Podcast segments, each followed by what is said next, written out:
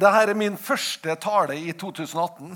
Så jeg sa til Edvard at nå kan du begynne å preke bra. nå. Da. Jeg har liksom nye blanke ark og kan få rette opp noe av det han har sagt som var gale. og sånn. Så det er i hvert fall eh, oppleves som en nåde å stå i Jeg tror egentlig at det oppleves som en nåde å stå i alt man gjør i Herren. Så om man er predikant, eller om man eh, jobber med barna, eller om man eh, er en salig taxisjåfør, så tror jeg at alt vi gjør i Gud, det er faktisk sånn at det er noe av en livsstrøm i det. Paulus, eh, Paulus skriver jo det også, at, at han er gitt et område. Og, og det tror jeg faktisk gjelder oss alle mennesker. At vi gis et område av både innflytelse og kraft som vi kan få lov å være frimodig i. Og så, og så kan vi være med og styrke hverandre i det. Ehm, jeg har tenkt å ta utgangspunktet i, i femte Mosebok i dag. Og så skal vi ha noen, noen, vers og noen historier som bare skal ta oss med eh, på denne, denne eh, lille kveldspraten som vi skal ha. Høres det bra ut? Skal vi ha en liten sånn kveldsprat her om livet, havet og kjærligheten? Nei, vi skal ikke. Vi skal, vi skal, men vi skal snakke om livet. skal vi gjøre. For at eh, Det virker som om Bibelen har noe spesielt å si om livet. faktisk. Eh, og I 5. Mosebok, det 30. kapittelet, der er han eh, eh, Der snakker, snakker, Moses til folket, og så sier han i vers 19, 19 Du kan lese egentlig hele kapittelet, for det har med det samme å gjøre. I dag tar jeg himmel og jord til vitne imot dere. Jeg har lagt framfor deg livet og døden, velsignelse og forbannelse. Velg da livet, så du og dine etterkommere kan få leve. Um, og så vet vi at det Herren har lagt fram for dem, det er sitt ord, sine lover og sine forskrifter, sin opplæring, sine visdom for å takle livet. Det er det han har lagt foran dem. Så egentlig det han sier, det er jo ikke, er jo ikke sånn at ja, her er døden, og her er livet. Hva vil du ha? Altså da, det er ganske åpenbart for de aller fleste av oss. Det er, liksom, er det valget? Skal, skal jeg leve, eller skal jeg dø? Så er valget ganske åpenbart. Er, er vi enige om det? Ja, Bra. Godt å høre at eh, de fleste av oss har lyst til å leve. Sånn at på en måte, Det er ikke der valget er. det liksom, ja, Mener du nå at enten så dør jeg, eller så lever? Nei, det er ikke der valget er. Spørsmålet er faktisk hvilket liv ønsker vi å leve? Det er det som er spørsmålet. Fordi at eh, Bibelen har denne litt sånn annerledes forståelse av livet enn hva vi mennesker har. Vi, vi tenker altså at det er så lenge det er puls, så er det liv. Er ikke sånn vi tenker? Altså Det første vi sjekker om vi skal finne ut om folk er døde, så sjekker vi pulsen. Eller er det pust? Altså Så lenge det er, det er puls, da er det liv. Så tenker vi at personen er levende. Mens Bibelen ser litt annerledes på det enn hva vi gjør. Her sier han at 'jeg legger foran dere livet og døden'. Og så sier han det å være livet det innebar å lære å kjenne Herren og ha sine veier og følge dem. Det er livet. Det vil si, skal livet ha et innhold som gjør at livet blir et liv, så handler det faktisk om å kjenne Herren. Det, og det her møter vi igjen i Det nye testamentet også.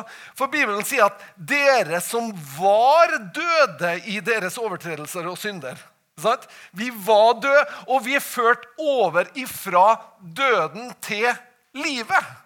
Ja, Men hva, hva som var feil? Hadde vi ikke puls tidligere? Jo, puls hadde vi. De aller fleste av oss har hatt puls siden liksom, før vi kom ut av magen. Vi, vi, puls fikk vi ganske tidlig. Så det var ikke det det er snakk om. Ok? Så Når Bibelen snakker om livet, så snakker han altså om livet sånn Gud har skapt oss til å leve det. Sånn at det har en litt annen, en litt annen betydning enn det kanskje vi er vant til å tenke. Men la oss da bli med på den bibelske tanken om at livet, det å leve livet, handler om mer enn å ha puls. Kan ikke si det til noen som sitter veldig bra. Si det til noen som sitter med deg. Livet handler om mer enn å ha puls. Veldig oppmuntrende. altså. Fint å se det òg. Liksom. Hallo. Har du, har du, puls, liksom, så, så lever du. Nei, men Bibelen mener at vet du, det fins noe mer som gjør at livet vår faktisk blir å leve. At vi som mennesker kan leve fullt ut. Eh, vi skal gå inn i andre kongebok, det sjuende kapitlet. Der går vi inn i en historie om fire spedalske menn som er ganske, ganske tragisk. I det sjuende kapittelet så står det fra vers tre og utover. Jeg skal bare ta det med litt inn i en tanke. Jeg har, jeg har hatt samtaler med mange mennesker. Jeg har jobba som 20 år, i 20 år som pastor. Og i løpet av 20 år så har jeg hatt samtaler med veldig mange mennesker. Jeg har hatt samtaler med mennesker som har kjørt ned livet sitt i et rushelvete. Jeg har hatt samtaler med mennesker som har hatt krasja ekteskap. Jeg har hatt samtaler med mennesker som har hatt et selvbilde som ikke ligner på det vi andre har sett på utsida. Men på innsida har det vært helt ødelagt. Jeg har hatt samtaler med så mange mennesker i så mange ulike situasjoner. Og evangeliet er alltid håp. Evangeliet er alltid oppreisning. Evangeliet er alltid en ny begynnelse, en ny mulighet. Rett før jul så hadde jeg en samtale med ei dame som har vært utmatta i fem år. Utmatta i fem år. Det vil si at vaskebøtta har stått på ett soverom i fem år uten at soverommet er vaska. Forferdelig livssituasjon å være i. Og Sånn er dessverre det menneskelige livet. Det er noen gang sånn at vi opplever så krevende situasjoner at vi tenker at her er det umulig å komme ut av. Vi tenker at her er det så fortvila at det er ingen sjanse for en løsning. Det er ingen sjanse for en ny morgendag. Det er ingen sjanse for at det kan komme noe godt ut av dette livet. Så brutalt kan livet være. Og vi går inn i en historie her som er verre, tror jeg, enn noen av oss noen gang kan forestille oss. Situasjonen her er at det er hungersnød i landet. Det er en hungersnød, og som om ikke det var nok, så er på en måte folket i Samaria her vi møter hungersnøden. Folket i Samaria er her, eller de er altså beleira av en syrisk hær.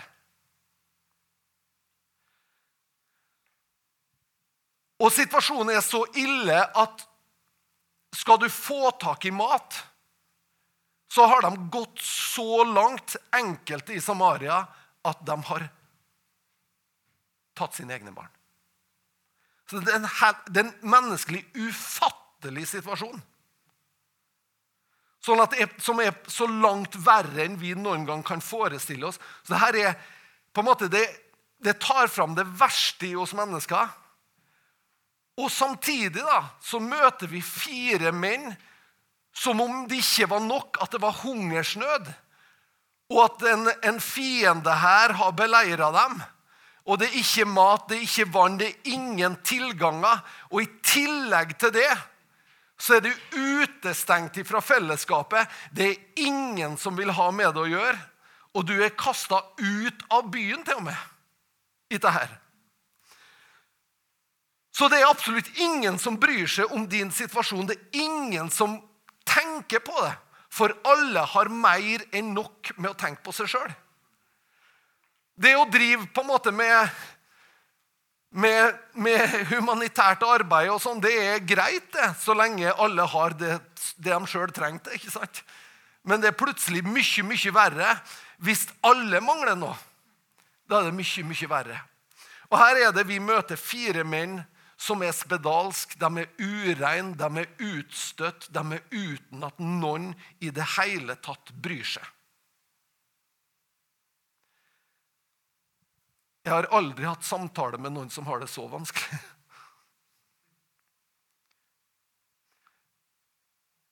Jeg har aldri møtt noen mennesker som har vært i en så djup tragedie som de her fire er i. Det har jeg aldri møtt. Og jeg håper at jeg slipper å møte henne.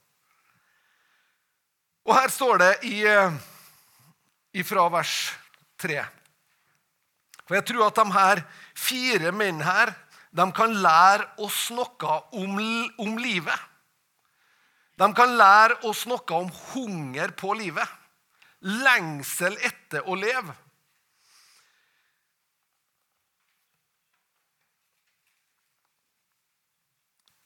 Jeg tror jeg skal ta, og, eh, ta på meg noen glassøyne. Blir lesinga litt bedre her. Det var fire spedalske menn ved inngangen til porten. De sa til hverandre, 'Hvorfor skal vi sitte her til vi dør?' Er det livet eller døden? Skal vi sitte her til vi dør? Sier vi vi vil gå inn i byen, så er det hungersnød i byen, og da kommer vi til å dø der. Hvis vi blir sittende her, kommer vi også til å dø. La oss derfor overgi oss til syrernes leir. Hvis de lar oss leve, skal vi leve. Hvis de dreper oss, skal vi dø. Fortvila situasjon. Vi har tre valg. Vi kan dø, dø eller kanskje dø. Hæ? Har du noen gang vært du har, du har kanskje vært så ille ute. Vi har tre, vi har tre valg, gutta. Hæ? Oppmuntrende samtale. Skal vi dø, eller skal vi dø? Eller kanskje vi rett og slett bare kanskje skal dø? Jeg tror vi velger den siste. Enkelte valg. Vi velger den her kanskje dø. Fortvila situasjon, er ikke det? Men vet du noe? livsmotet er sånn i dem her, sjøl om situasjonen er så forferdelig. Så er livsmotet så sterkt, disse her fire karene her, ja, men at de sier bare Du vet noe, selvfølgelig velger vi å kanskje dø. Selvfølgelig ønsker vi så mye ut av livet at vi tar den eneste lille sjansen, det lille håpet vi eventuelt kunne ha om å få tak i litt mer liv. Ja, men hvordan verdig liv? De var jo spedals. De, var jo, de venta jo. Målsetninga for dem var kanskje å overleve én dag til. Målsetninga var kanskje ikke noe større enn det. Var liksom ikke 'hva skal vi gjøre i 2018'? Nei, jeg håper at vi kan kjøpe oss ei hytte på fjellet. Nei, håper at vi klarer å leve en dag til. Tenk om vi har fått sett at denne uka her har gått òg. Tenk deg for noe valg å være i som menneske.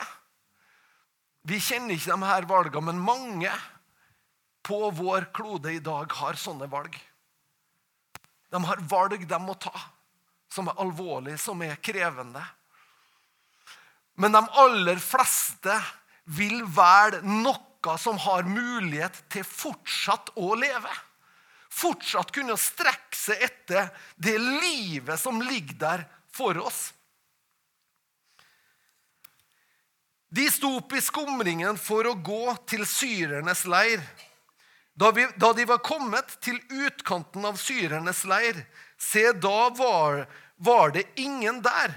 For Herren hadde gjort det slik at syrernes hær hadde hørt lyden av vogner og lyden av hester, lyden av en stor hær. Så sa de til hverandre, se, israelernes konge, Israels konge har leid kongen over hetittene og over Egypt imot oss for å angripe oss. Derfor sto de opp og flyktet i skumringen, og de forlot leiren som den var. Teltene hestene og eslene, og de flyktet for sitt liv. Da disse spedalske kom til utkanten av leiren, gikk de inn i et telt og spiste og drakk. Og der bar de med seg sølv og gull og klær derfra og gikk for å gjemme det. Så kom de tilbake og gikk inn i et annet telt. Også derfra bar de med seg det som var der og de gikk for å gjemme det. Her har vi altså Her gjør Gud et mirakel for dem. Han gjør et mirakel sånn at de faktisk får lov å leve. De får lov å leve litt lenger. De får lov å oppleve Wow! Her er det sølv og gull. Gud forsørga oss. Gud har vært der på forkant, sånn at han har fått fly, fienden til å fly. Så kan vi leve. Hvilke forpliktelser har de? Hvilke forpliktelser har de? De har ingen forpliktelser. Vi var overgitt. Ingen brydde seg om oss. Nå forsørger Gud oss. Nå forsørger Gud oss og legger det foran oss. Nå kan vi plyndre, så kan vi gjemme, så kan vi ha liksom til oss sjøl. De berga så vidt livet. Og så kommer grådigheten og tar dem. Kommer grådigheten. Hvorfor skal vi bry oss om noen andre? Det var ingen andre som brydde seg om meg. Hvorfor skal jeg tenke på noen andre enn meg sjøl? Vet du noe? Sjøl om vi har fått livet, så er det ikke et liv å leve hvis vi ikke er villige til å tenke på noen andre enn oss sjøl. Sjøl om de opplever å få livet på en måte som i en gave. De får en ny mulighet, de får forsørgning, de har plutselig rikelig, de kan ete seg mett. De finner gull, de finner tilganger, de finner varer som de kan bytte imot tjenester. Kanskje imot sårsalver som de trenger. De har muligheten til å sørge for seg sjøl. Og de tenker at wow, og det er Gud som har velsigna. Men allikevel så står det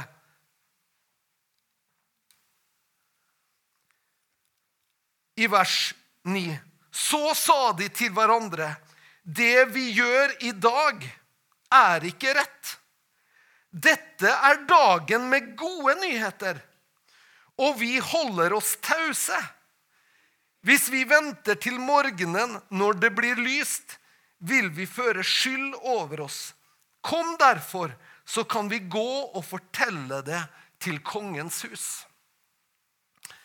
Når Gud gir oss livet, så gir han oss livet for at vi skal leve det men ikke bare for oss sjøl.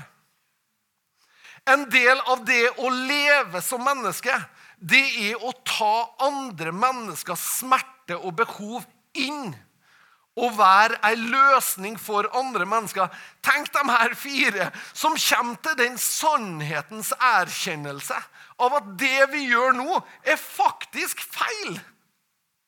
Ja, men hallo, kan brydde seg om oss? Ingen. Nei, men allikevel så fins det mer liv i oss, Guds type liv, enn at vi kjenner at det her skal være for oss sjøl. Tenk hvis vi kan være sånne mennesker som når Gud velsigner oss, så er det ikke bare for oss sjøl. Når Herren forsørger oss, så ser vi noe mer enn vår egen mage og vår egen morgendag. Tenk hvis det at du og jeg velger å leve det at du og jeg velger å leve, ikke bare er noe som har betydning for meg og mine, men som har betydning for så utrolig mange, mange flere. Tenk hvis det virkelig er sånn at når Gud sier til oss 'Jeg legger foran dere liv og død', tenk hvis det faktisk er sånn at han legger muligheten for å leve et liv som kan være i berøring med mange, mange andre mennesker. Jeg har ei venninne fra Tingvoll. Hun oppvokste i et kristent hjem. Og hun eh, fikk et personlig forhold til Jesus når hun sjøl var i 15-årsalderen. Som gjorde at hun tok et steg, tok et nytt steg, fulgte han, gjorde kanskje noen valg som ikke var lur, noen som var lur, noen som var god, noen som var Men helheten av hennes sitt liv var at hun brant for andre mennesker. Og hun har gjort noe valg. Hun heter Sina Salpones. Hun har gjort noe valg som har fått betydning for hundrevis, om ikke tusenvis av mennesker. I flyktningleirer både i Syria og i Afrika på flere plasser. Fordi at hun har tatt et valg om ikke å bare leve for seg sjøl. Så bringer det velsignelse langt utover det hun kan fatte og begripe. Fantastisk. Det at vi er villige til å strekke oss ut, til å ta hånd om noe, til å følge vårt eget hjerte i nettopp det samme som de her kjente. Det her er faktisk feil av oss. Ja, men, ja, men vi er så norske. Ja, men vi er så, ja, men vi er så vel tilfreds. Ja men, ja, men det er jo ingen andre. Ja, men Vet du noe? I det å være et menneske så er det det Gud legger foran oss. Velger vi livet? Velger vi å leve stort? Velger vi å leve rikt? Velger vi å leve et virkelig liv? Eller skal vi velge bare å ha puls? Folkens, i 2018 skal vi ha puls. Skal vi ha puls? Hva annet er vi da? Ja, men vi har jo kristen puls. Ja, men ærlig talt, kristen puls er likeens puls som annen puls. Hvis vi ikke lever det livet som Gud har for oss. Ja, men jeg har kristen puls, jeg. Det er ingen forskjell. Men vi kan få lov å ta imot og innta det livet som Gud faktisk ønsker for oss. En fantastisk mulighet som han legger der foran oss. Wow! Tenk hvis vi i 2018 kan bestemme oss for det. Veit du noe? Jeg skal leve for noe mer enn meg sjøl. Jeg ønsker at mitt liv og den velsignelsen som Gud har brakt over livet mitt, skal bli til noe mer enn bare for min egen del. Du skjønner, I Gud så er det ingen av oss som er tilskuere. De her Hva var de? Hvem var det som regna med dem? Det var ingen som regna med dem. Hæ? Profeten sa til kongen sin øverste hærmann Vet du hva profeten sa? I morgen skal det selges mel på, i, i gatene i Samaria. Det skal selges mel. I morgen skal det komme. Gud skal gjøre et under. Og en hærmann, vet du hva han sa? Det kommer ikke til å se. Om så Gud monterer sluser ifra himmelen, så kommer det ikke til å skje. Så er det umulig. Og en Herman fikk høre. Herman, hvem var han? Han hadde posisjon. Mest trolig så var han godt ansett, og mest trolig så var han en av de privilegerte som hadde en del av forrådet som var lagt til sides for sånne tider. Mest trolig så spiste han seg mett hver kveld. Mest trolig. Så var han en av de privilegerte, en av dem som egentlig var en man burde kunne regne med. Men han var ingen å regne med. Så er det altså de her fire spedalske som ingen regner med, som blir løsninga ikke bare for seg sjøl, men for et helt folk. At de velger livet, at de velger noe annet enn å sitte fast i den tragedien de sitter i. At de velger å trekke det strået liksom, av håp. At de velger å reise seg opp og gå derifra. At de velger å leve. Men kan vi tenke oss det at, oss det at faktisk det at jeg reiser meg opp ifra det som er trasigheta i mitt liv at jeg velger å reise meg opp av det som er brutt i mitt eget liv? Hva hvis det har en sånn betydning? Jeg ser det ikke nå. De så det ikke da. Men det at jeg reiser meg opp ifra det som er fornedrelse i mitt liv, det som er brutt, det som er knust, det som er, det som er dødt i mitt liv det som er streva med, det som er kava med, det som er på en måte det jeg egentlig ikke ønsker å snakke om. Tenk hvis det at jeg velger å reise meg opp ifra det og si at jeg går herifra. For at her kommer jeg ikke til å kunne leve. Hva hvis jeg kan reise meg opp, og så går jeg derifra? Og så tenker jeg ja, det blir til redning for meg. Men så viser det seg at det at jeg verdt å reise meg opp, det at jeg verdt å ikke bare la livet passere det at det er verdt å si nei, nok er nok. Jeg vil ha tak i noe annet. Tenk hvis det viser seg at det blir til redning for tusenvis av andre. Det at du og jeg lever våre liv, det at du og jeg velger livet, det er svært viktig. Det at du og jeg velger å leve livet som Gud har lagt ned i det, og ned i meg, det er svært viktig. Det er avgjørende. Det er avgjørende.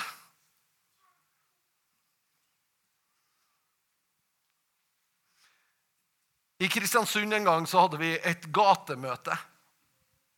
Jeg gikk bort til en ung mann som sto ganske langt bort i forhold til der vi hadde gatemøte. Så jeg gikk bort og snakka til han og hilsa på han, eller skulle ha hilst på han. Vet du hva han gjorde? Når jeg kom bort, så rygga han. Han rygga. For han var redd. Og Neste gang jeg traff han, så prata vi. Og så fikk han ta imot Jesus. Han heter Jonny Pettersen.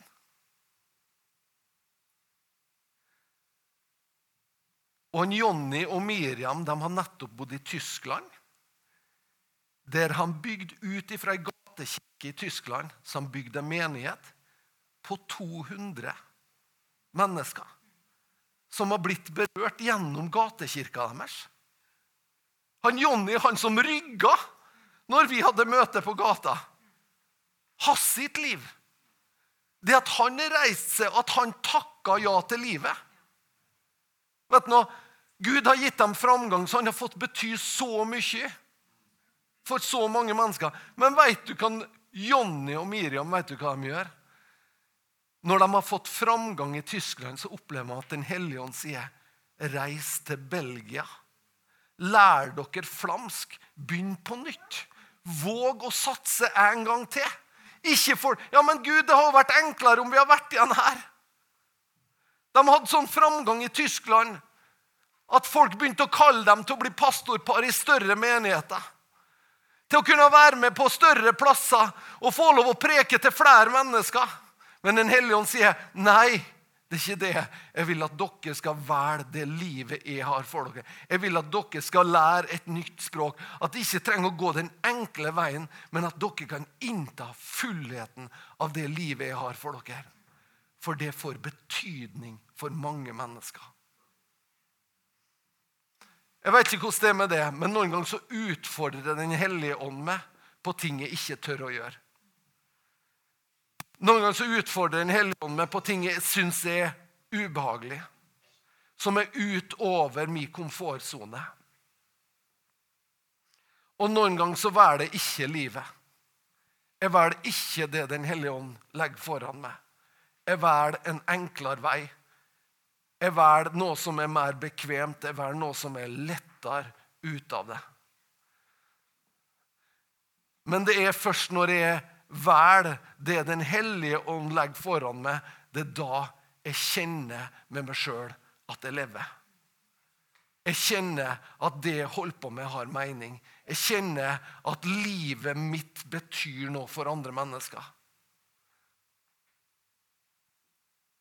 Tenk hvis 2018 kan være et år der vi sier vi vil leve med hensikt.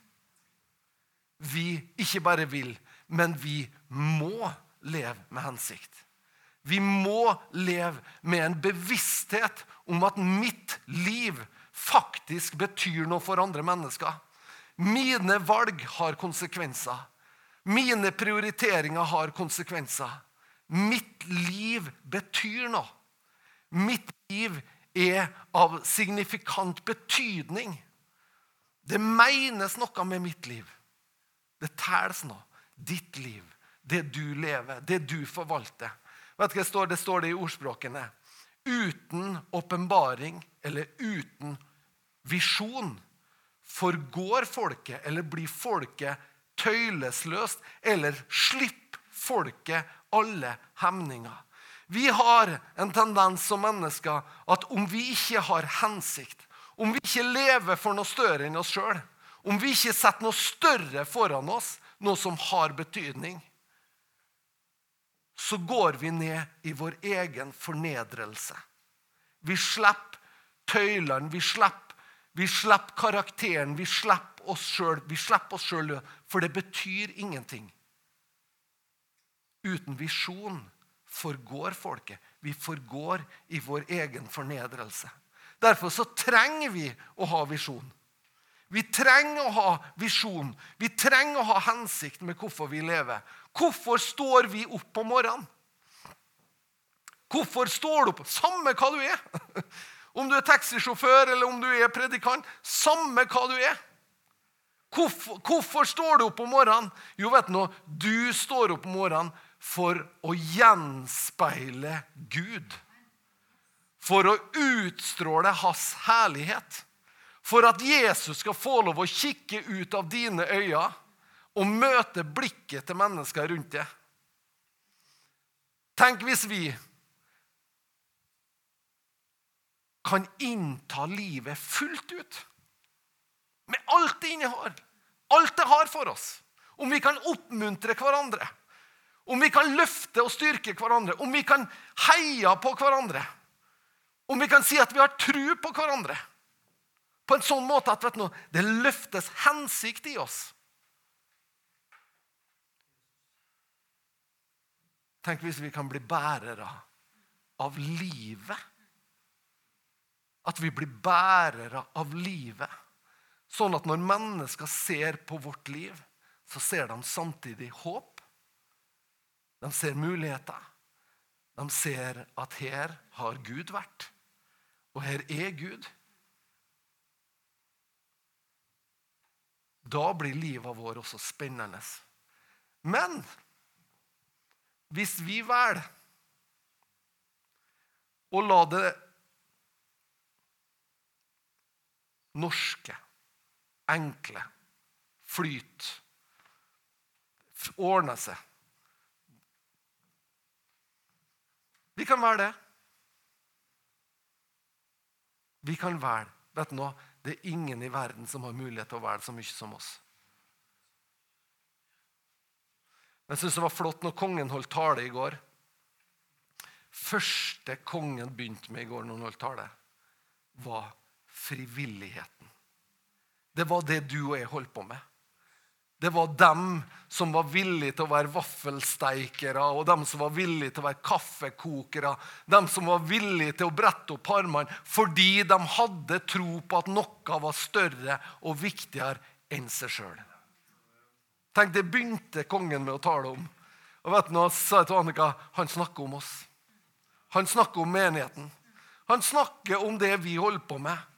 Han snakker om oss. Og jeg kjente takk for at du tar opp det som vi brenner for. Vi brenner for at det at vi bryr oss om andre mennesker, det får betydning. Det er viktig. Det viktigste vi gjør. Wow!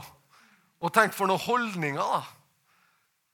Tenk for noen holdninger. Tenk så privilegert vi er som får lov å bo i et sånt land. Tenk for noen muligheter vi har.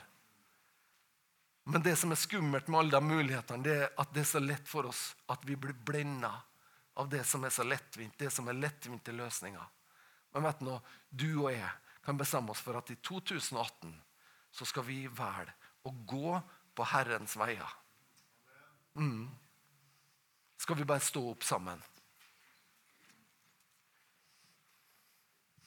Når jeg tenker på dette vet du hva jeg tenker? Jeg tenker hva om Herren kan plassere hensikt så dypt ned i våre liv og våre hjerter at det får oss opp om morgenen med forventning? Tenk om Herren kan plassere hensikt så djupt ned i oss at vi står opp om morgenen med forventning om at det betyr noe at jeg står opp i dag. Det betyr noe. Mine bønner, mine ord mine gjerninger, det jeg gjør, det betyr noe. Tenk hvis hensikten kan være så tydelig for oss at vi får lov å gripe det. Og jeg tenker, vet du, når jeg tenker at eh, når vi var i lovprisning i stad, så så jeg tårer. Jeg så tårer av omvendelse. Tårer av omvendelse.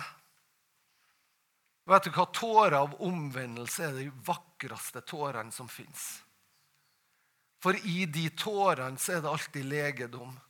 I de tårene vannes frukten av noe nytt som reiser seg, nytt liv som spirer. Og det var det jeg så. Jeg så at i omvendelse, i det at jeg velger å omvende meg, at du velger å omvende I de tårene så renses vår sjel.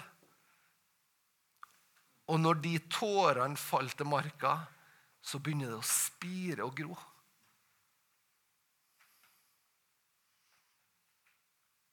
Herre, vi ønsker å komme fram for deg med våre liv, med alt du har velsigna oss med, med rikdommen og alt vi har, Herre. Faktum er at vi i Norge i dag vi lever bedre enn den rikeste konge gjorde for bare noen hundre år siden. Vi, be, vi lever i større luksus, vi lever med større velbehag enn hva rikdom har kunnet gitt noen mennesker tidligere, Herre. Med større muligheter. Men Herre, vi takker at vi får lov å vende våre liv til det nå. I dag, på dette årets første dag. Og Herre, så ber vi om at du i vårt hjerte, i vårt indre, skal gi oss et så tydelig lys som leder oss dag for dag i 2018. Som blir så tydelig for oss, Herre, den hensikt, det kall, det liv du har for oss. Om vi ikke har kraft til å se annet enn at vi skal reise oss opp å gå ifra det vi er i av fornedring i dag. Om vi ikke har kraft til å se noe annet, så la oss ta de stegene, Herre. Herre, vi ber om at du kommer med ditt liv, med din godhet, med din hensikt over oss, Herre. Og så ber vi, Herre, det her året, kjære Herre Far, la våre liv ha betydning for andre mennesker. Det ber vi om, Herre. Vi ønsker å vende om, Herre, ifra det som er så norskt, Herre. Det som er så fullt ferdig og ingen bekymringer. Vi ønsker å vende om ifra det, Herre, og vende oss til dine veier, Herre. Sånn at vi ikke, sånn at vi ikke lar oss døve, Herre, eller sløve ned i likegyldighet. Men at vi reiser oss sånn at livet vårt, Herre, er mer enn puls, Herre. Det er ditt hjerte. Det er, din, det er ditt hjerte, Herre. Det er din lengsel, både for oss og for menneskene som er rundt oss. I Jesu navn. I Jesu navn. Å, Jesus. Halleluja.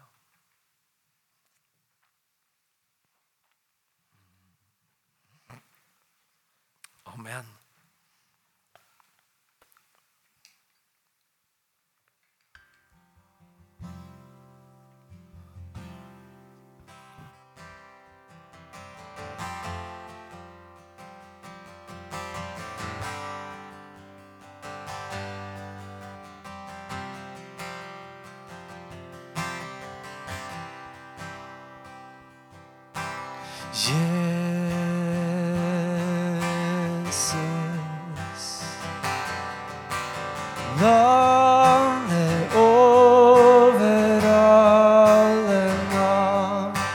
夜